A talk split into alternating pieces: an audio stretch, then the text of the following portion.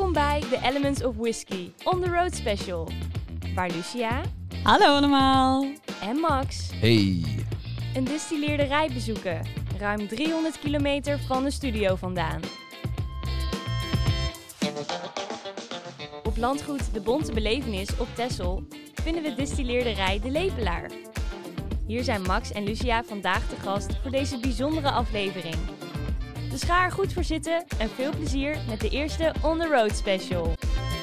Ja, we zijn nu op locatie in Texel. En we zitten hier in het eh, brouwerijgedeelte op landgoed De Bonte Belevenis. En we hebben hier Josja aan tafel.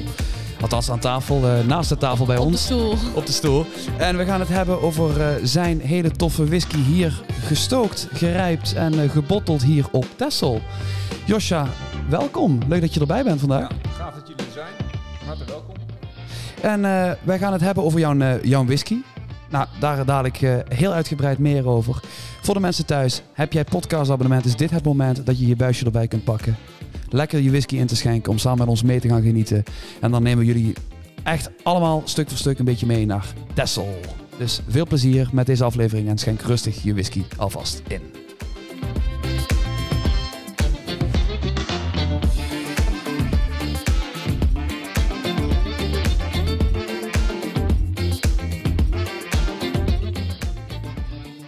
Zo. Daar zijn we dan op Texel, hè? Daar zijn we dan. Jezus, het was maar een rit. ja. Ik maar heb we zijn er en het is mooi. En we hebben al heel veel schapen gezien.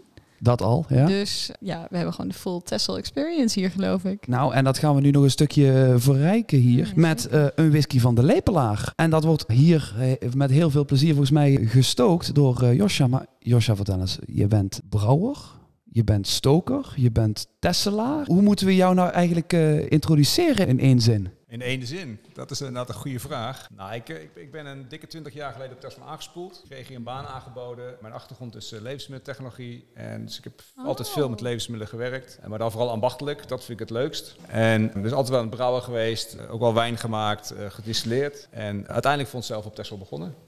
Oké, en, en wanneer is dat dan geweest dan dat je hier eh, je start gemaakt hebt? Nou, dik 20 jaar geleden dus op Tesla aangekomen. En eh, met de ambachten zijn we begonnen ongeveer een jaar of 15 geleden. In de grote schuur in de Burg. Oké. Dat hebben we drie jaar gedaan. Dat groeide eigenlijk al redelijk snel uit. Mhm. En uiteindelijk zijn we hier op dit terrein terechtgekomen. En zo ben je op Texel terechtgekomen. Maar hoe ben je bij whisky terechtgekomen dan? Nou, het is eigenlijk wel een bijzonder verhaal. Ik vind drank altijd interessant. Mhm. En op mijn zeventiende ging ik op vakantie eh, naar Texel met de Inge samen. En nou ja, via omzwervingen kwamen we dus bij het Kompas uit. Een whiskybar hier in het dorp. Heel bijzonder en uniek assortiment. Meer dan 2400 alleen als single Schots eh, malt whiskies. Ontzettend enthousiaste mensen. En ik keek mijn ogen uit daar. En ik zag daar een boek liggen van eh, Michael Jackson. En ik ken natuurlijk eigenlijk alleen maar de zanger. En niet de Britse drankkunner, zeg maar. Ja. Kenner. En toen ben ik eigenlijk een beetje geïnteresseerd geraakt. En nou, wat programma's van hem gevolgd. En natuurlijk met Willem ook gekletst. En ik had niet gedacht dat ik zelf een jaar later eh, zelf op Texel terecht zou komen. Uiteindelijk in Den Hoorn. En met whisky zou gaan beginnen. Dat is wel een hele ja, omslachtige slachtige weg om daar uiteindelijk terecht eh, te komen. En jouw eerste vaatje, want ik kan me voorstellen dat het voor jou wel een heel belangrijk eh, moment is geweest. Wanneer had je je eerste vaatje gevuld hier dan? We zijn ooit begonnen in de Burg met stoken. We hadden oude boiler omgebouwd. Mhm. Dus we waren vooral met jenever bezig en likeuren. En op een gegeven moment hadden ze iets van, nou, we willen graag ook whisky gaan maken. Maar ja, goed, als je vaten gaat vullen, eh, een 250 liter vat, moet je heel veel liter stoken. Ja. En ja, wordt het wat, wordt het niks. Je moet behoorlijk investeren in tijd, energie, eh, geld. En ik ben eerst vijf jaar aan het testen geweest, gewoon met stukjes eikenhout. Officieel geen whisky, maar voor ons wel een mooie manier om te beginnen. 40 varianten gemaakt, verschillende soorten eikenhout, verschillende graansoorten, verschillende recepturen. En vijf jaar gedaan. En januari 2013 naar eh, Willem gegaan. Daar had ik natuurlijk al contact mee. Ja. Willem ook laten proeven. En die was enthousiast. Als hij niet enthousiast was geweest, was ik waarschijnlijk niet eens mee doorgegaan. Maar hij was erg enthousiast. En we hebben toen een proeverij belegd met, eh, met journalisten erbij. En dat kwam eigenlijk landelijk in het nieuws. Dus we hadden Hart van Nederland, Radio 1, allerlei kranten ook erbij. Hier op de, op de stoep staan. Waardoor mensen het ook meteen wilden kopen. Maar ja, er was natuurlijk nog niks. Ik moest nog beginnen. En eh Slijterij in de Burger werden er helemaal gek van. Die hebben eigenlijk de eerste jaren gewoon nee moeten verkopen. Omdat het natuurlijk nog niks was. Zeker de eerste drie jaar is er gewoon nog geen whisky. Want Nou, Moet rijpen. heeft Ja. tijd nodig. En nou, we hebben dus erg veel leuke reacties ook gekregen. En eh, toen hebben we bedacht van oké, hoe gaan we dat project nu verder van de grond krijgen? Want eigenlijk met whisky ben je gewoon de eerste tien jaar aan het investeren. Ja. En we hebben toen een crowdfunding campagne opgezet. En omdat hij zo bekend is in de whiskywereld, Willem Ham, hadden heel veel mensen er ook meteen vertrouwen in. Zo van nou, als hij zegt dat het een goed product is, Dan zal het wel goed zitten. dan Ja, zal het wel goed goed, zitten. ja. Eh, anders had hij het niet gezegd. Eh, want zo is ook. Dus dat is, dat is alleen maar goed. We zijn met crowdfunding begonnen. Heel veel mensen hebben meegedaan. Waardoor we in begin 2014 eh, de boiler aan de kant konden zetten, zeg maar. En, de eerste ketel- hebben gekocht. Ja. En, en daarmee naar gang zijn gegaan. Maar ik zie er nou hier, eh, zie ik niet maar één keteltje staan. Nee, we zijn, we zijn best heel druk geweest de eerste jaren. Of nog, nog steeds, eigenlijk alleen maar drukker. Mhm. Dus in 2014 eerste vaten gevuld. 2017 de eerste deel officieel uitgereikt aan aandeelhouders. Die kregen een whisky uitgekeerd. Ja. Vonden ze niet erg.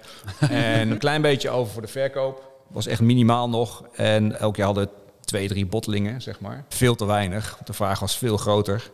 En inmiddels zijn we bij campagne nummer drie, zeg maar. Ja, ook eh, corona heeft ons getroffen. Eh, we zijn een bezoekerscentrum. Nou ja, we hebben nog niet veel bezoekers gezien de afgelopen twee jaar. Ja, dat Die, ziet- dat ziet niet natuurlijk op. niet. Ja, dat- Dus dat is een beetje jammer. Maar goed, door wel in whisky te blijven investeren, hebben we twee ketels erbij gekocht. Mhm. We hebben juist gekozen voor dezelfde ketels die dezelfde kwaliteit maken, maar meer liters. Oké. Je kan ook kiezen voor een hele grote ketel. Is Een optie. interessanter. Alleen vaak zie je dat je eindproduct gaat vervlakken. En dat willen we juist niet. Oké. Nou, eindproduct, daar, eh, daar, daar ben ik nu wel heel benieuwd naar. Ik wil dadelijk heel uitgebreid nog met jou gaan hebben over Tessel en het stookproces. Maar ik wil nou eerst het gaan hebben over de whisky die, eh, die wij hier voor ons hebben staan. En de, de whisky die de mensen thuis ook hebben. Dus eh, vertel eens, het, het heeft een prachtige kleur. En dat is wat we thuis ook kunnen zien. Maar wat drinken we vandaag? Nou, we hebben voor nu een mooie fles eh, uitgezocht. Het is een fles die gerijpt is in eerste instantie op een vat van Wijngaard de Kroon. Ja, daar komen we dadelijk heel uitgebreid Ja, op terug. is hier ook. Dus dat is wel heel gaaf. Die, dat is Ja. echt een leuke samenwerking. Dus hij heeft het vat mooi kunnen gebruiken. En wij kunnen weer gebruik maken van de mooie smaken die hij in het vat heeft gecreëerd. En we hebben eerdere bottelingen van zijn eh, wijnvaten gedaan. Die waren echt super. Eh, bij deze botteling vond ik hem al wel heel mooi, maar nog niet mooi genoeg. We willen echt iets bijzonders hebben. Dus we hebben hem een PX-finish gegeven. Kijk eens aan. En eh, niet te lang, want ik vind dat je die rode wijn moet kunnen blijven proeven. Ja. Anders gaat die PX eroverheen. Mhm. En, eh, want PX is natuurlijk echt eh, heftig, Ja. maar vult er wel heel mooi aan. En ja, zeker qua kleur is hij gewoon echt prachtig Heel mooi geworden. Maar het is geen single malt.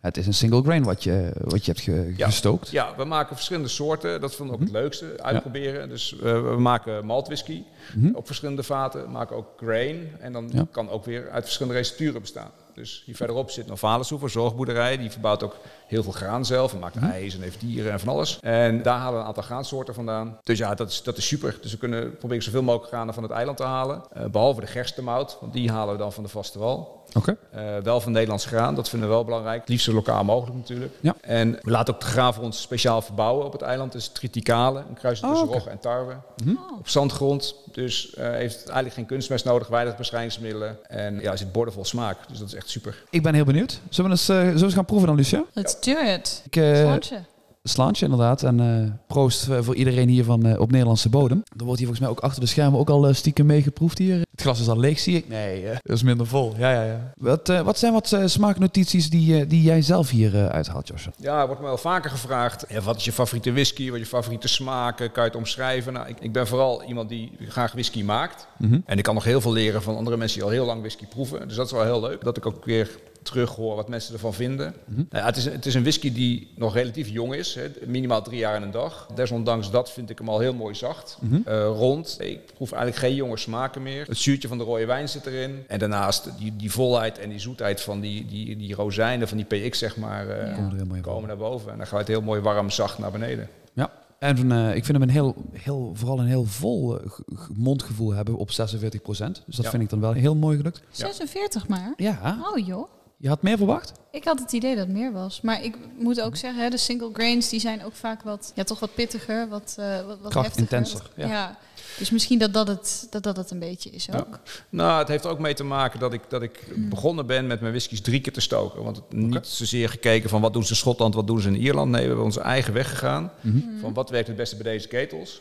Mhm. En door drie keer te stoken, zeker die grains, wordt, wordt die gewoon echt zachter. Ja. Maar goed, ik vind het ook heel leuk om nu wat meer uitgesproken whiskies te maken. We zijn ook met turfgerookte whiskies en zo bezig. Dus we stoken nu ook een deel twee keer. En dat verschil, dat proef je echt goed. Ja, daar, daar kom ik inderdaad, dadelijk, eh, had ik daar inderdaad nog een vraag over. Inderdaad, over het eh, twee en drie keer eh, distilleren. En wanneer jij daar het juiste moment voor vindt. Maar Josja, we hebben nou, hè, je hebt ons verteld hoe je hier beland bent, hoe je begonnen bent met de whisky. Maar waarom is het nou zo bijzonder dat er hier een distilleerderij zit? Wat zijn de verschillen tussen een distilleerderij op Texel en andere distilleerderijen? Of wat zijn de voor- en nadelen? Nou, we zijn op Texel. Ik, ik vind whisky op Texel heel goed passen. Eh, al, allereerst Ja? vanwege het landschap. Dus, dus het ruigen, zeg maar. Mhm. Eh, we hebben hier dan geen stenen muurtjes, we hebben hier dan tuinwallen, zeg maar, om de dieren binnen te houden. Eh, ik ben zelf een aantal keer in Schotland geweest. En ook, ik denk, een beetje de, het, vrij gevochtene van de mensen die hier wonen. Toch allemaal wel bijzondere mensen. Maar erg, erg vriendelijk en nou ja, eigenzinnig wel. Dus dat zie je wel natuurlijk Nou, meer dat- op de eilanden. Wordt ook wel gericht, tenminste, ik, ik heb maar twee whiskies van jullie gehad. Maar dat zie ik wel terug in de whiskies. Het Ja. eigenzinnige. Eigenzinnig. Nou, Dus dat, dat is dat wel- is een mooie omschrijving. Ja. Zeker. En het leuke is dat hier tegenover waar wij zitten, is een duinengebied. We zitten echt Mm. echt een paar kilometer van de zee vandaan. Daartussen ligt een duinengebied en daar lopen de Schotse hooglanders. Dus een, eh, toen ik hier begon met, eh, met whisky maken, moest ik op een gegeven moment voor de pers een foto hebben. En op dat moment kwamen net die hooglanders de duinen, eh, duinen uit. ja. Dus ik met mijn glaasje whisky de duinen in. Dus zo'n enorme Schotse hooglander Schotse kop op de. Achtergrond. Ja. Dus dat was wel echt gaaf. Nou ja, en verder, weet je, je eindproduct zal veranderen als je je product ergens anders maakt. Je water, je omgeving, dat zijn allemaal dingen die van invloed zijn. Zijn er ook nadelen? De- Bijvoorbeeld, ben je, ben je veel afhankelijk van het vasteland of valt dat wel mee? Nou, dat valt er mee. Nou ja, goed, kijk, het water wat wij gebruiken komt van de vaste wal. Oké. Dus eh, stel dat daar problemen mee zijn, er liggen hele dikke twee buizen onder het Marsdiep door. Mhm. Daar komt het water vandaan. Dat is water uit het IJsselmeer, heeft in een duingebied daarna nog een tijd ge- gelegen en Oh, komt dan ja. naar Texel. Wel mooi zacht, dus dat, dat is al een groot voordeel. We hoeven het niet te behandelen. Maar goed, een paar jaar geleden was dus een van die twee buizen kapot. En toen hebben ze in het hoogseizoen ook tankwagens water naar Texel gehaald. Maar ja, stel dat die andere ook Ja. gaat, dan hebben we een groot probleem. Dus we zijn wel, Ja. wat dat betreft wel afhankelijk van de vaste wal. Maar goed, dat gaat op zich prima. Fijn om te horen. Ja. Je hebt hier, jouw whiskies worden voornamelijk verkocht op Texel. Ga ik vanuit. Klopt, ja zeker. En is het eigenlijk ook iets waarvan je zegt, ik zou dit graag op Texel willen houden? Of zeg je van, weet je, het mag ook wel het vasteland bereiken gaan? Nou, ik vind het heel leuk dat het op Tesla verkocht. Kijk, ik maak natuurlijk nog niet zo heel veel. Ik zit nu op 4.000, 5.000 liter per jaar. En dat kan ik makkelijk op Tesla kwijt. En dan komen mensen echt speciaal naar Texel om whisky te kopen van hier. Dat houdt het wel bijzonder. Dat maakt het ook bijzonder. Kijk, en we hebben het ook in onze webshop staan. Dus als mensen aan de vaste wal, zo noemen mensen die aan Ja, de ja. andere kant wonen, die whisky willen, kunnen ze dat gewoon bestellen. Ja. Kijk, en ik vind het leuk om ook gewoon de Tesselse middenstand, de slijterij en dergelijke, want die willen Ja. heel graag onze whisky verkopen. Die zijn natuurlijk de eerste jaren helemaal gek Gemaakt gewoon, gevraagd. En eindelijk hebben ze het nu, dus dat gaat prima. En, en ook voor Tesla heb ik gewoon nog te weinig. Oké. Want, want volgens mij hier in, in, in Texel is het wel heel geliefd. Ja. Want eh, restaurants, eh, cafés, eh, die, die staan er vol mee. Ja, nou in ieder geval een aantal hier op Texel. Ik zeg wel, als een horecagelegenheid mijn whisky wil verkopen, dan dat ze eerst hier komen kijken. Die gaan ze Ja. eerst uitleggen wat ik doe, hoe het eruit ziet. Dan hebben ze tenminste een idee en dan verkopen ze het ook beter. Dan, Ja. dan weten ze wat, ze- waar ze het over hebben. En is het niet een, want ja, daar hangt natuurlijk een prijskaartje aan, ook qua Ja. verkoop. Dus mensen moeten ook weten achter de bar wat ze verkopen. Dat is gewoon heel belangrijk. Maar goed, het leuke is wel, we worden bijvoorbeeld nu een een ster restaurant aan de Vaste Wal heeft nu onze whisky. Oké. En dat gaat hun natuurlijk puur om smaak. Dus dat is wel heel bijzonder dat ze het kwalitatief zo goed vinden eh, dat ze het daar willen schenken. En kun je ons eh, meenemen in het hele whiskymaakproces, hoe dat hier gaat? Want je zegt het water komt dus van de, de vaste wal, zoals Ja. jullie zeggen. De granen ook, zei je daarnet? Deels. Deels. Ja. Oké. Vertel, hoe, waar komt het allemaal vandaan? Hoe komt het hier? Wat Ja. gebeurt ermee? Nou, we zijn eh, natuurlijk begonnen als brouwerij en distilleerderij erbij eigenlijk. Jenever, likeur en dergelijke. Op een gegeven moment whisky begonnen. En natuurlijk het basisproces tussen bierbrouwen en whisky is natuurlijk eigenlijk vergelijkbaar of jenever maken. Je gaat Ja. een graanbeslag maken. Want in graan zit zetmeel. Zetmeel is niet vergisbaar en suiker wel. Eh, Dat is eigenlijk het verschil ook een beetje met wijn maken. Je hebt je druiven, er zit suiker in, persen, gist erbij. Nou ja, dan heb je eigenlijk al, Ja. al eh, wijn, zeg maar. En voor bier moet je eerst op een of andere manier van zetmeel suikers gaan maken, anders werkt het niet. Nou, we doen het in dezelfde ketels als waar we het bier in brouwen. Eh, We maken 500 liter per brouwsel. Dus we gaan ook weer van zetmeel suiker maken door het gemouten graan te verwarmen. Nou, daar zitten enzymen in het graan, die gaan aan de slag. En je merkt ook na twee uur tijd dat je echt suikerwater krijgt. Dat gaan we filteren. Nou, voor bier zouden we het nog weer gaan koken en hop en alles erbij. Voor beslag doen we dat niet. Dat beslag gaan we gewoon na het filteren, koelen en gaat de gistank in. Ja. En En dan een week, anderhalf week later is het dus tussen de 10 en de 15 procent alcohol in de vloeistof. Dat gaan Dan we ga je dan distilleren. en dat gaan we distilleren. En dat alcoholpercentage hangt af van het soort graan dat we gebruiken. Als we gerstemout gebruiken, heeft een veel hoger rendement. Ja. Zit op 15%. Gebruiken we die triticale, wat heel veel smaak in zit, maar veel lager rendement heeft, zit op 10%.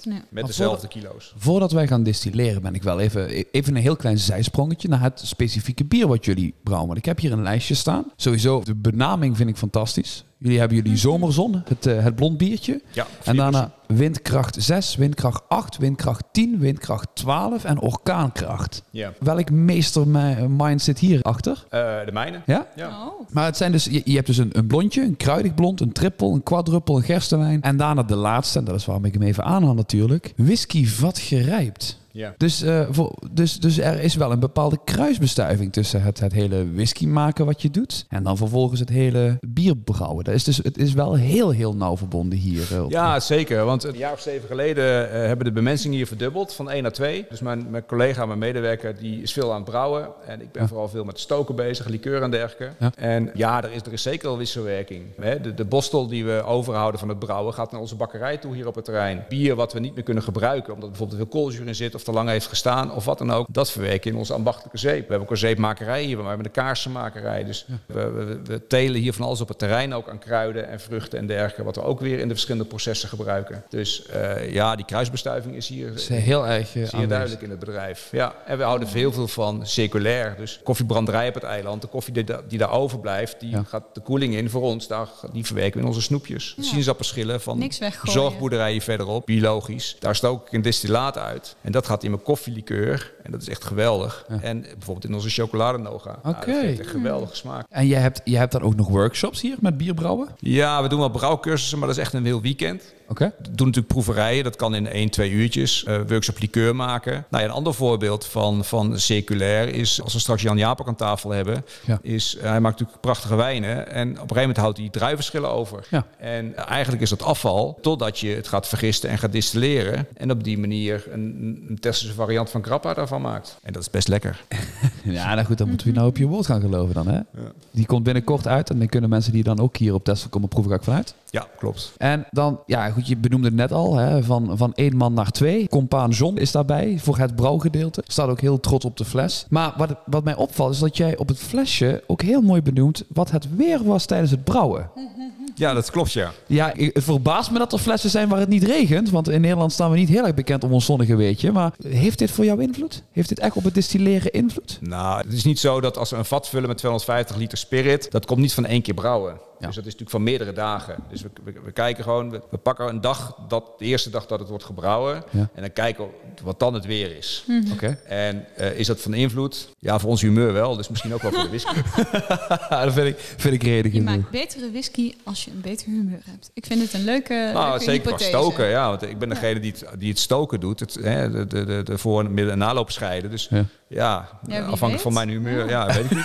Het, eh, Zal vast invloed hebben, inderdaad. Nee, sorry. Dus dit, en- dit, tot dusver het kopje inderdaad bier brouwen. Ja. Ja, nou, misschien is de orkaankracht nog wel leuk om even te vertellen. Ja. Ik heb natuurlijk een bierwinkel 12. En op een gegeven moment vorig jaar andere gist gebruikt dan normaal. En toen trok hij hem door naar 14. En dat was gewoon niet meer in balans. Dus op dat moment had het net een whiskyvat leeg. Dus we hebben een whiskyvat gedaan. Ja. En nou, die heeft toch nog een aantal procent alcohol erbij getrokken. En het is echt een ontzettend mooi bier geworden. Te mooi eigenlijk. Want ik had een paar honderd flesjes. En dat was echt binnen twee dagen uitverkocht. Oké. En het is meer een liqueur eigenlijk, eh, met 17% Je moet hem ook rustig gaan drinken, echt voor gaan zitten. Ja. Maar goed, die ligt een half jaar of langer op zo'n vat te rijpen. Dus voordat je dan weer een nieuwe partij hebt, ben je gewoon heel veel tijd verder. En ik, eigenlijk moet ik de vor- vorige versie weer zien te overtreffen. Eh, omdat iedereen er zo een geweldig bier vindt. Dus daar zijn we heel druk mee. En het leuke is, als natuurlijk dat bier weer uit het vat is, kunnen we daar natuurlijk weer geweldig spirit in gooien. Op die Ja. manier, ja. En dan krijgen we whisky gerijpt op biervat. Dus dat vat hoppen, dat vind ik ook erg leuk. We hebben nu ook bijvoorbeeld onze kruidenbitter in een whiskyvat gedaan. Ja. Whiskyvat was voor whisky die meer gebruiken, maar wel voor de kruidenbitter. Onze Ja. koffielikeur in een whiskyvat. Op die manier, Ja, ja. dat voegt gewoon een heel leuk smaak toe. Hey, en nog iets wat ik eh, wel interessant vind. Max die heeft mij een klein beetje verteld over zeewier-invloed. Eh, Hebben, hebben jullie die in de whisky of in de vaten of zo? Ja. Of- Nou, wat ik al zei, we maken een grain en een malt en een, een, een peated, hè, dus op turf gerookte mout. En die kopen we in, omdat we Texel eigenlijk geen turf hebben. Nee, En toen hebben we bedacht van, oké, hoe kunnen we er nu een eigen variant van maken? zodat het toch een beetje Tessel... Zodat nog Ja. meer Texel erin zit. Ja. En toen hebben we bedacht, heb ik bedacht van, nou, als we nou zeewier gaan gebruiken als brandstof. Oh, dus ja. we halen we- ik haal zeewier uit de Waddenzee. Vuurtje zeewier erop. Ga de bak met graan boven. Dat rookt als een gek. Ja, en, eh, als ik daarmee klaar ben en ik kom thuis, moet ik altijd buiten mijn kleren uitdoen. Zo stink ik, zeg maar. Ja. Maar het grappige is dat het ontzettend mooie smaken, heel subtiele smaken aan, de, aan het eindproduct geeft. En die wordt echt ontzettend goed ontvangen. Omdat je ook echt, ja, het, het is ook net alsof je zeg maar in de haven loopt. En het, het, het rokerige en de schepen en de Ja. netten. En, en dat soort smaken proef je terug. Ja. En dat is wel echt heel gaaf. En een tijdje terug heb ik een kottervisser gesproken, garnalenvisser. En die zei, ja, turf is gewoon bijvangst voor ons. Dat halen we gewoon uit de Waddenzee omhoog. Dus normaal gooien ze dat terug. Nou, dat heeft u niet gedaan op mijn verzoek. Ze heeft een hele berg turf Oh, meegenomen. leuk. Leuk. En daar gaan we binnenkort onze graan op roken. En daar zijn we echt heel benieuwd naar. Wat dat voor eindproduct gaat geven. Hey, en Max, was dat die, die whisky toen met de Piri Party? Nou, bij de zeven, Party hadden we nog een eh, hele bijzondere... eh Maar de- dat was niet die van Josja. jawel, Dat was wa- wel die van Josja. want maar wij hadden een speciale, want dat was voor de 50ste verjaardag van Josja. Oh ja, dat klopt ja. Dat was toen inderdaad ook nog wel een hele mooie botteling. En dat was wel geturfd, maar niet op zeewier, als ik het goed had uit mijn hoofd. Hè? Klopt. Ja. Oké, ja. Dus die, eh, de, de, Ja, de trouwe luisteraars, eh, die hebben die inderdaad al eens een keer mogen proeven. Nou, we hebben dus een, eh, een beslag. En dat eh, beslag is bier, maar nog geen whisky. En, en dan? Ja, nou als je, als je het eh, bier wil doen, dan, dan heb je er al hop en zo dergelijke bij gedaan. Dan zou het bier worden. Voor beslag doen we dat natuurlijk niet. Dus we hebben het beslag vergist, 10, 15 procent. Dan gaat het naar de distillerij. Nou ja, en als je gaat distilleren, dan heb je natuurlijk verschillende kooktemperatuur. Water gemiddeld 100 graden, eh, alcohol 78. Op die manier halen we het uit elkaar. En wij stoken altijd minimaal twee keer. En de tweede keer gaan we het pas echt scheiden. Gaan we de, de voorloop, eh, zeg maar de nagellak remover, de aceton, die halen we eraf. Ja. Die gebruiken we als desinfectiemiddel. Dus daar zijn we toch nog aardig van afgekomen afgelopen anderhalf jaar. Ja, nee, dat kan ik me voorstellen. Dus dat is nog een voordeel. Een klein voordeeltje. De middelloop, dat is natuurlijk het zuivere deel. Daar maken we onze whisky van. eh, of onze eau de vie als we fruit gebruiken. Of het ligt eraan als het een basisgrondstof is, receptuur is. En die naloop, die zuiveren opnieuw met een nieuwe, andere brug. Dat is een, een hogere brug, waardoor we veel zuiverder kunnen stoken. En dus een heel groot deel van die naloop kunnen hergebruiken voor onze likeuren. Onze normale brug van onze distilleerklom is relatief laag, waardoor we zoveel mogelijk geursmaak meenemen uit de begingrondstof. Want dat is wat we graag willen. Maar je hebt dus, eh, de, de ketels zijn hetzelfde, alleen de inhoud verschilt een klein beetje. Of, of de, de hoeveelheid inhoud zijn het? Nee, de, de, nee de, de- de- die, die drie ketels zijn redelijk identiek. Oké. Alleen de bruggen die verschillen dus. Nou, we hebben zeg maar een, een standaard brug van koper. Ja? Die gebruiken we voor de whisky. Die is relatief laag. Ja? En we hebben, als we naloop willen afstoken, Ja. dan hebben we een hele hoge brug nodig in verhouding. Om alleen de meest zuivere alcohol mee te nemen. Ah, oké. Wij, wij hoeven als distilleerderij kopen we geen alcohol meer in. Wij maken al onze alcohol zelf. Oké, maar het zijn wel, als je ze zou moeten ca- categoriseren onder een padstil of een kalmstil, dan zijn dit wel meer richting de, Potstil. richting de padstils. Maar ook jouw single grain komt dus eigenlijk uit een padstil. Ja. Oké. Oh, maar dat is eigenlijk wel grappig. Want meestal zit dus een single grain toch in een column stil. Kijk Ja. even naar jou. Jij dan weet ben het beter dan ik. Ik weet wel zeggen, dat is doorgaans in Schotland is inderdaad een single grain op kalmstil. Maar dan vraag ik me Oh. toch, de vraag die ik sowieso al opgeschreven had, is wat is nou het verschil tussen een Texel whisky en een Schotse whisky? Zijn daar nog meer dingen die echt anders zijn, los van de locatie? Oké, maar goed, weet je, water is natuurlijk belangrijk. Eh, je grondstoffen. als je turf gebruikt, waar komt die turf vandaan? Mhm. Dat zie ik Schotland natuurlijk ook heel sterk. Hè? Of het meer het noorden is of meer eh, het Ireland. westen, zeg maar. Ja, je, grond, je, je basisgrondstoffen doet het toch voor een groot deel. En natuurlijk de vorm van je ketel, hoe snel je stookt.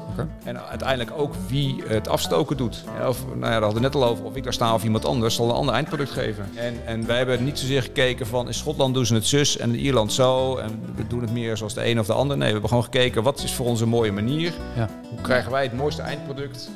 En ja, Dat is deze methode geworden. en dat is dit, ja, dit werkt voor ons het beste. En jij maakt dus een keuze tussen twee of drie maal distilleren. En dat, Ja, die keuze klopt. maak je ook gebaseerd op?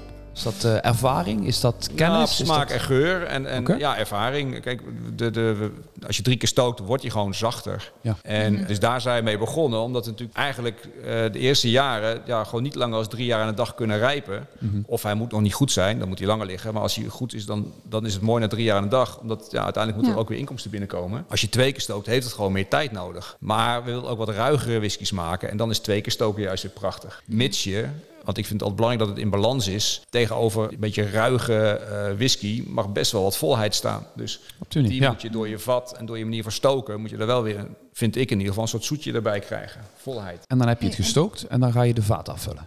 Ja, klopt. Maar ik zie, eh, als ik eh, de website erbij pak van jou, dan zie ik vaten uit Spanje, Amerika, Schotland, maar ook Texel zelf. En ik denk dat dat een heel leuk, eh, leuk segment is om eh, eventjes eh, van, van, van setting even te wisselen. En dan eh, dat we even Nou, Jan-Jaap erbij Als ik halen. mag, zou ik nog één vraag willen stellen. Oh, ja. Nog één vraag. En dan mag Jan-Jaap hier komen zitten op mijn stoel. Want jij zegt hè, van heel veel toch eh, op, op drie jaar, drie jaar en een dag moet het minimaal oud zijn. Ja. Eh, er moeten inkomsten binnenkomen, heel begrijpelijk. Maar heb je hier nou ook dingen liggen die al veel langer aan het rijpen zijn? Hebben jullie daar de capaciteit voor? Of is dat iets voor toekomst? eh, is dat Ja, we zijn er wel mee bezig. Eh, met de tweede crowdfunding campagne eh, zijn vanuit gegaan dat we in 2026 vijf jaar oude whisky gaan rijpen. Oh. Dus daar gaan we, of, of gaan, gaan bottelen. Dus daar zijn we nu al mee bezig. Ja. De campagne daarna, 2027, vijf jaar oude whisky. Dus daar hebben we al whisky voor liggen. Jullie zijn, ja, jullie En we hadden het net over mijn verjaardag. eh, dat we een speciale whisky daarvoor hadden. Ik heb voor mijn verjaardag van vrienden een, eh, een, een vat gekregen. Tenminste, dat mocht ik zelf uitzoeken. En de Oh. bedoeling is dat ik dat 15 jaar laat rijpen. Dus als ik 65 ben, dat ik dat dan ga bottelen als eerste deel van mijn pensioen. Is ook een stukje eigenbelang, denk ik. Dat ze hem dan mooi kunnen gaan meeproeven. Verwacht ik. Ja, maar wel een heel leuk... Maar wel echt een eh, heel leuk idee. Ja. Ja. Ah, kijk. Ik dus ben nee, heel we willen heel graag naar vijf eh, en tien jaar en ouder toe. Maar ja, dat gaat Het is eraan komen. moeilijk als opstartende distilleerder Zeker, natuurlijk. ja. Ik ben wel heel benieuwd ernaar namelijk. Want het, ja, ik, eh, Zeker. Nou ja, goed, je ziet natuurlijk dat, dat eh, eh, vaak distillerijen wel twee of drie keer in andere handen overgaan voordat er Ja. whisky verkocht kan gaan worden. En, ja, en zeker. wij hopen dat eh, in eigen hand te kunnen houden en meteen dat al te kunnen. Maar dat is wel een uitdaging. Ik eh, Nou. ben dadelijk het kopje inderdaad. Wat de toekomst allemaal brengt, daar eh sluit daar dadelijk jij Lucia nog nog een keertje nog voor aan. Maar nu gaan we even wisselen en dan gaan we kijken, eh, gaan we het hebben over rijpen.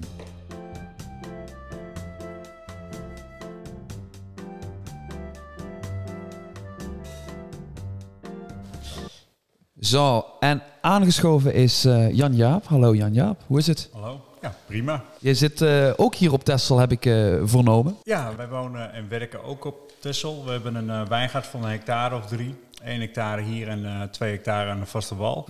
En ja, wij maken wijn. Ik ga dadelijk ga ik heel graag met jou over jouw wijn het nog eventjes kort hebben. Want jij gebruikt ook houten vaten om jouw wijnen te rijpen. Ja, wij laten onze rode wijn laten wij afrijpen op eiken. Die proberen we heel zwaar te maken, waardoor die gewoon echt een tijdje op, eh, op barriek, noemen wij dat in de wijnwereld, moeten afrijpen. Want eh, eh, ja, dan, wordt, dan worden de tannines worden wat ronder en dan wordt de structuur gewoon wat mooier van de wijn. En, eh, Ja, voor de smaak. En jullie zijn samen gaan werken om Tesselse whisky te laten rijpen op Tesselse wijnvaten. Hoe is dit tot stand gekomen, heren? Nou ja, Ik denk onder het genot van een glaasje wijn.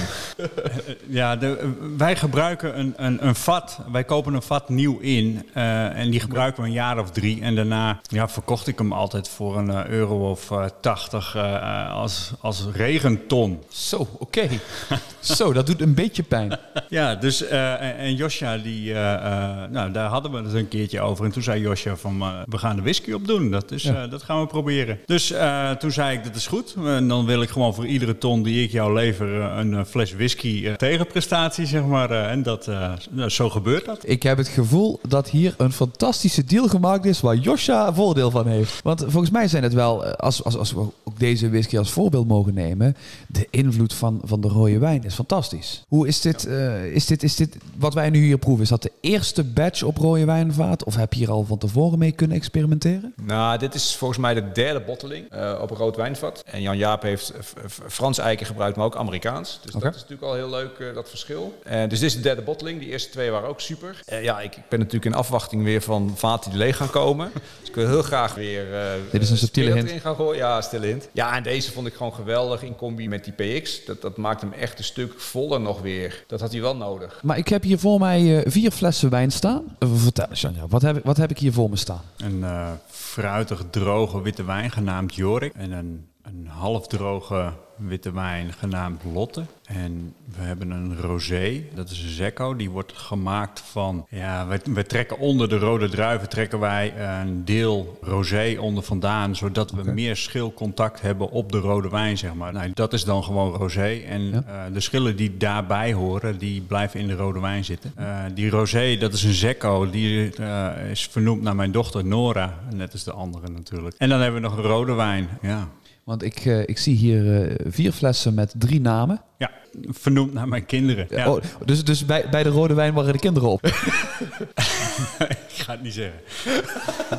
Nee, maar de, dus de namen zijn vernoemd naar de kinderen. Ja. En de rode wijn, dat is dus standaard op vatlagering. Ja, 100%. Eh, Bij ons gaat de rode wijn echt 100% op eikenhoutvaten. En dan 1, 2 en 3-jarig. En, eh, of nieuw tot, tot 2 jaren, zeg maar. En wat is de invloed van, van, van, van Texel op jouw wijn? Kun je daar wat over zeggen? Of, of zeg je dan van ja, dan zou je ook een wijngaarden moeten hebben eh, aan, vaste, eh, aan het vasteland? Maar Nou, wij hebben natuurlijk wel de zilte zeelucht en we hebben licht zilte grondwater. Hè, dat- is niet volledig zoet.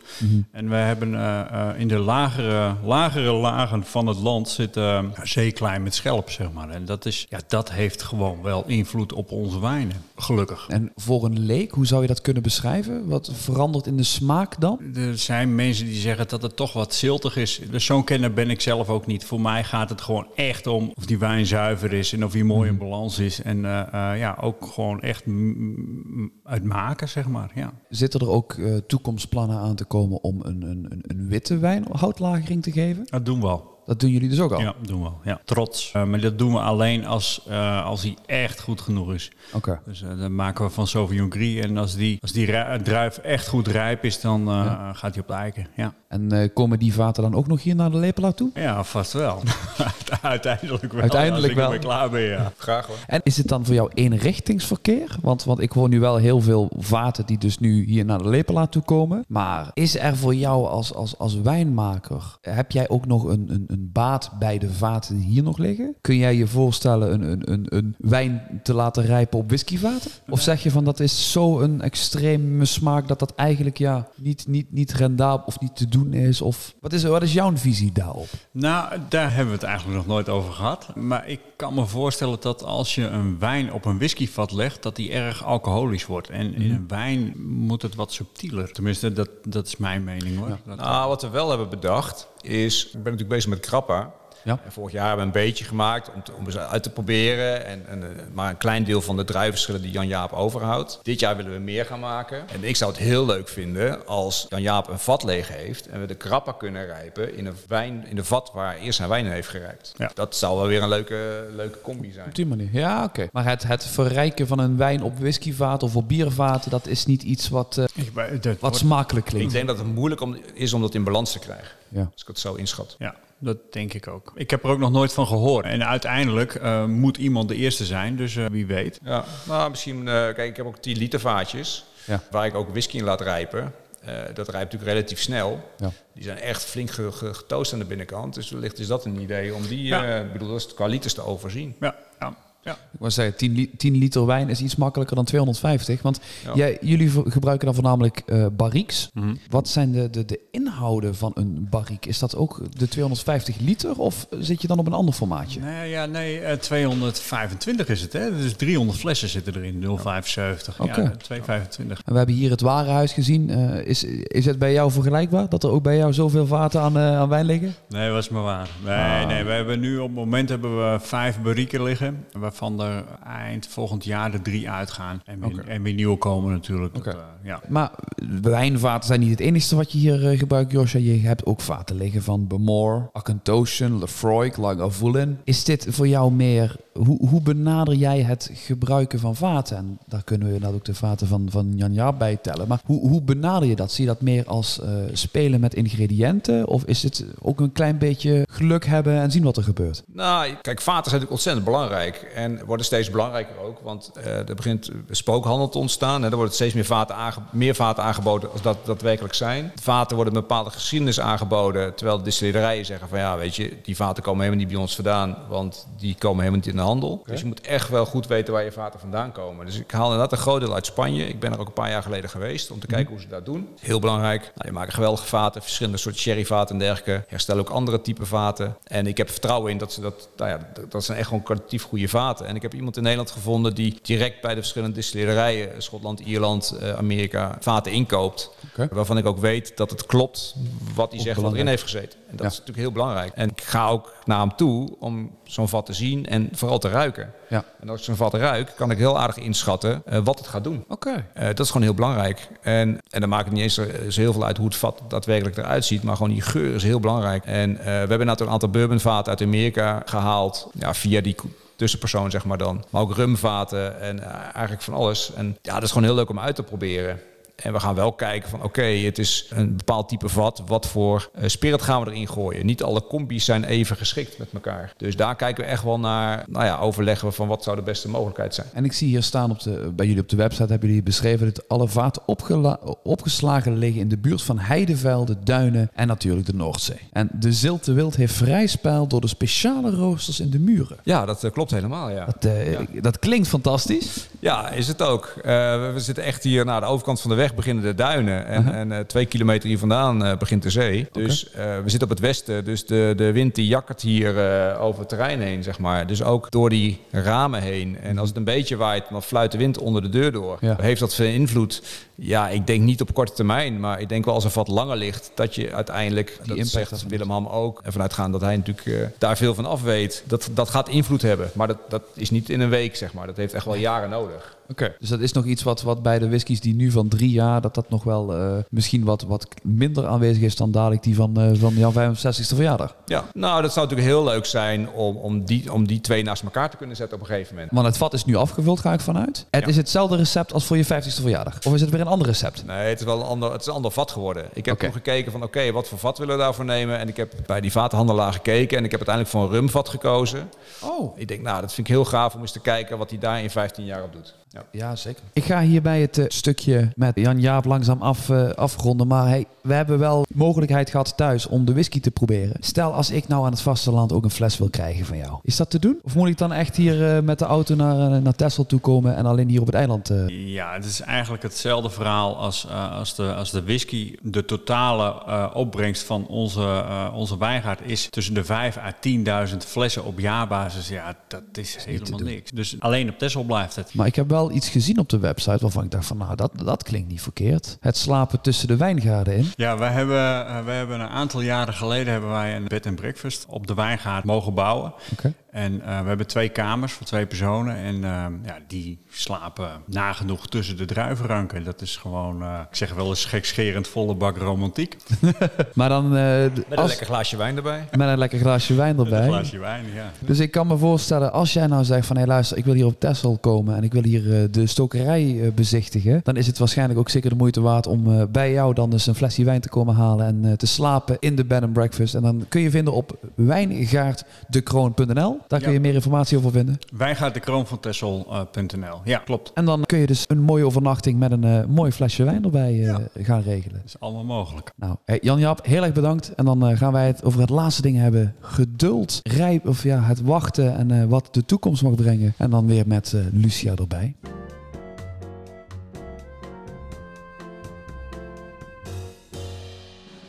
Nou ja, hey, eh, Lucia, ik, eh, ik zie het al. Onze, onze reis hier op Texel is weer veel te kort. Anders Ja. had Jan-Jaap ons het eh, prachtige Texel kunnen laten zien. met wijnproeverij en alles erbij. Helaas. Misschien, eh, Volgende keer. misschien de volgende keer Volgende inderdaad. keer. Dan eens, eh, Want ik denk dat we hier zeker nog eh, terug gaan komen. Ik, eh, ja, over terugkomen gesproken. Ik denk dat er nog heel veel aan zit te komen waar mensen voor, eh, speciaal terug voor kunnen komen. Je had het zelfs erover gehad over de leeftijd van de whiskies. Dat je die graag wat, wat ouder ook zou willen zien. De reden dat je het nu dan op, op drie jaar, drieënhalf jaar, vier jaar uitbrengt. Is dat dan om dan veel verschillende dingen te kunnen proberen? Want als ik de line-up ook achter jou zie, dan staat wel een hele grote collectie eigenlijk al. Heel veel verschillende whisky staat daar. Ja. ja, we bottelen natuurlijk per vat. Dus we hebben inmiddels 27 bottelingen gedaan. Dat is natuurlijk al best heel veel. Maar goed, we zijn zeven jaar bezig inmiddels, zo'n beetje. Ik vind het leuk om te experimenteren, dat zeker. Ik zou graag ook oudere whiskies eh, straks eh, willen gaan verkopen. Maar goed, dat heeft, dat heeft natuurlijk tijd nodig. En ook financiële mogelijkheden. Nou, daar helpen onze certificaathouders mee mee, dat we die ruimte meer krijgen. Maar goed, we merken ook dat eigenlijk de driejarige whisky al ontzettend goed wordt ontvangen. Ja. Eh, al heel mooi zacht is, veel smaak heeft. Dus er is geen noodzaak, zeg maar, om,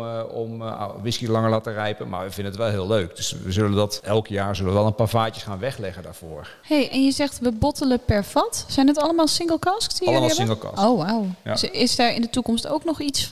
Wil je daar ook meer mee gaan experimenteren? Of zeg je dit is voor nu even... Nou, ik vind juist genoeg, single eh? cask leuk. Ja, eh, omdat elke botteling dan echt anders is. dat klopt. Eh, zelfs als je twee Oloroso vaten naast elkaar legt met dezelfde spirit erin, zal het eindproduct toch anders Altijd zijn. anders. Dat maakt het voor ons leuk. Alleen ja, iemand die een van onze whiskies geweldig vindt en heel graag nog zijn fles wil kopen. Ja, Dat maakt het heel moeilijk en als het op is, is het Ja. op. En de vraag is of, er dan, of die dan ook weer op die manier terugkomt. Maar goed, dat is de charme denk ik ook. En nee, ik denk niet dat we... Nou ja, goed. Blenden is niet iets wat eh, in de nabije toekomst zit. Nee, vind ik niet zo spannend. En heb je het gevoel dat het, het stoken dan, dat je dat nu ondertussen na die, in die zeven jaar wel langzaam aan het, eh, aan het perfectioneren bent? Heb je het gevoel dat je er bent? Of denk je van, oh, ik, ik ga hier nog die komende 15 jaar, eh 20 jaar, 25 jaar, ga ik echt nog wel nodig hebben om dit eh, helemaal onder de knie te hebben? Nou, het is zeker een leerproces. Ik denk de distillaten die we in het begin hebben gemaakt, dat die wel wat ruiger waren, wat minder zuiver als die we nu hebben. Maar goed, we hebben inmiddels aardig, inmiddels aardig ervaring. Dus het distillaat wat eruit komt is gewoon eh, prima, is, super. En zolang we natuurlijk dezelfde ketels gebruiken, verandert er ook niet zo heel veel aan. Maar goed, we zullen wel elke keer, ja, willen wel de smaak natuurlijk net iets mooier hebben. Maar het moet ook weer niet, als je je, je voor en je midden en je naloop van elkaar gaat scheiden, dan kan je dat ook te veel doen, zeg maar. En dan wordt die, ja, dan verlies je karakter. offer Oké. Dus juist een klein beetje, het laatste deel van je voorloop, het eerste deel van je naloop, dat moet je wel erbij hebben nog. Anders wordt het karakterloos. Dus je- op die manier kan je echt eigen eh, karakter geven. En waar moeten wij als, als whisky-liefhebbers dan ons op verheugen? Wat, wat zijn er echt dingen waarvan je zegt van ja, dit ligt nou al hier in het warenhuis en daar kan ik niet wachten tot het de tijd ervoor is om die te bottelen? Ja. Nou, wat Is ik al natuurlijk vertelde, we zijn wat, met wat ruigere versies bezig. Dus ik heb nu een, eh, een, een, een smoked, een peated, die dus zwaarder gerookt is, twee keer gestookt is. Er ligt nu een Olorosevat, is nu een jaar jong. Ja, die heeft al zoveel smaak. En als ik het mensen een drupje laat proeven, dan willen ze zich al meteen erop inschrijven, zeg maar. Ja, Goed zo. dat, dat gaat echt een mooi, mooi product worden. Eh, dus dat is gaaf. En, en ja, ik ben heel benieuwd naar dat, dat roken op, eh, op zee, op, op eh, turf uit de Waddenzee. Ja, ik denk dat dat ook... Die zeewie was al boven verwachting. En ik, heb, ik verwacht ook dat deze gewoon heel mooi gaat worden. En wat is nou jouw, als je dan nog één stoute droom mag opnoemen van hé, hey, dit zou ik eens willen proberen? Los van wat je nou al in Nou, in het er zijn nog hebt. wel vaten die ik, ik... Ik zou graag een keer iets met een portvat of een cognacvat willen gaan doen. Dat, dat lijkt me ook erg leuk. Ja, en ik ben ook heel benieuwd. eh, We hebben natuurlijk eh, bijvoorbeeld die orkaankracht in een, in een whiskyvat gehad. En die orkaankracht is eruit. Ja, en wat dan, als we daar de, zeg maar, de spirit aan gaan toevoegen, wat dat uiteindelijk gaat doen. Dat is, dat is afwachten. Ja. Dat weet ik nog niet precies. Dat, is de eerste keer. Maar goed, die gebrandheid die erin zit, eh, die karameltonen. Ik denk dat het een heel mooie toevoeging is aan de whisky. En als mensen jou eh, willen blijven volgen en blijven volgen wat jij eh, allemaal gaat produceren, waar, waar, waar kunnen ze dan terecht? Nou, op onze website staat al enige informatie. Ja. En, en via onze Facebookpagina. Nou, en ook op de, via de, lepelaar. de lepelen, heel veel. Ik moet zeggen, ik heb heerlijk genoten van deze fantastische aflevering hier op locatie. Van onze eerste On The Road special. Ik vond het echt superleuk. Ja? Ja. Hey Lucia, vertel eens, waar hebben we het allemaal over gehad? Oh my god, zoveel. Nou, we hebben hier dus Josja, die heeft ons eh, basically zijn eh, whisky, eh, het whiskydeel van zijn levensverhaal verteld. En ook het levensverhaal van zijn whisky, want hij heeft ons gewoon echt van A tot Z meegenomen in wat er nou allemaal gebeurt. En in alles daar rondomheen, dus de biervaten, de, de bierbrouwerij, eh, de wijnvaten eh, van jouw collega Jan Jaap. Yes. Ja, collega-partner moet ik misschien, eh, is misschien een beter woord. Ehm, we hebben het gehad over de toekomstmuziek die er nog in zit, de huidige range en eh, alle spannende dingen die er nog aan zitten te komen. En dat is Ik een ben heleboel. Heel erg benieuwd naar al die spannende dingen. Ja, ik het vind gaat echt alleen nog maar mooier worden, denk ik. Ja, Het gaat alleen nog maar mooier daar worden. twijfel ik niet aan. En eh, ik ben heel blij dat we dit nu eh, mensen hebben mogen laten proeven. Niet alleen op Texel. Josja, ontzettend bedankt voor je tijd en dat we hier eh, te gast mochten zijn. Heel graag gedaan. En eh, nou ja, wij gaan nu nog even hier nagenieten, nog even naborrelen. Nogmaals, Yes. even kort samengevat. Wil jij nou dus wat meer informatie vinden? Nou ja, over de wijnen, dat kan. Wijngaard De Kroon van Tessel. Kun je dus inderdaad eh, ook wat meer informatie over vinden. En rondleidingen, wijnproeverijen en een bed and breakfast om eh, heel romantisch te vertoeven hier op Tessel.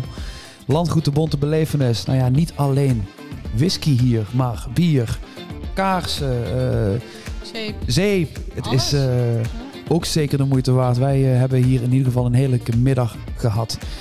Wij gaan nog genieten van ja, hier van Tessel en alle gezelligheid. Wij zien jullie volgende week weer terug voor de volgende aflevering van de volgende batch, batch nummer 6. En dit was onze allereerste On The Road special.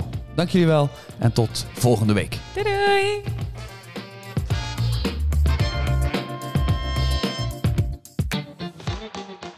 Bedankt voor het luisteren naar de Elements of Whiskey on the Road special.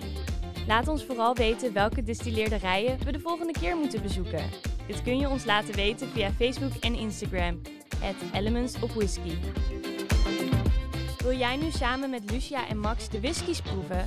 Meld je dan aan voor ons podcastabonnement. Zo krijg je alle whiskies thuisgestuurd en kun je samen met hen de whiskies proeven. Kijk voor meer informatie op www.elementsofwhisky.nl slash podcast. Tot volgende week!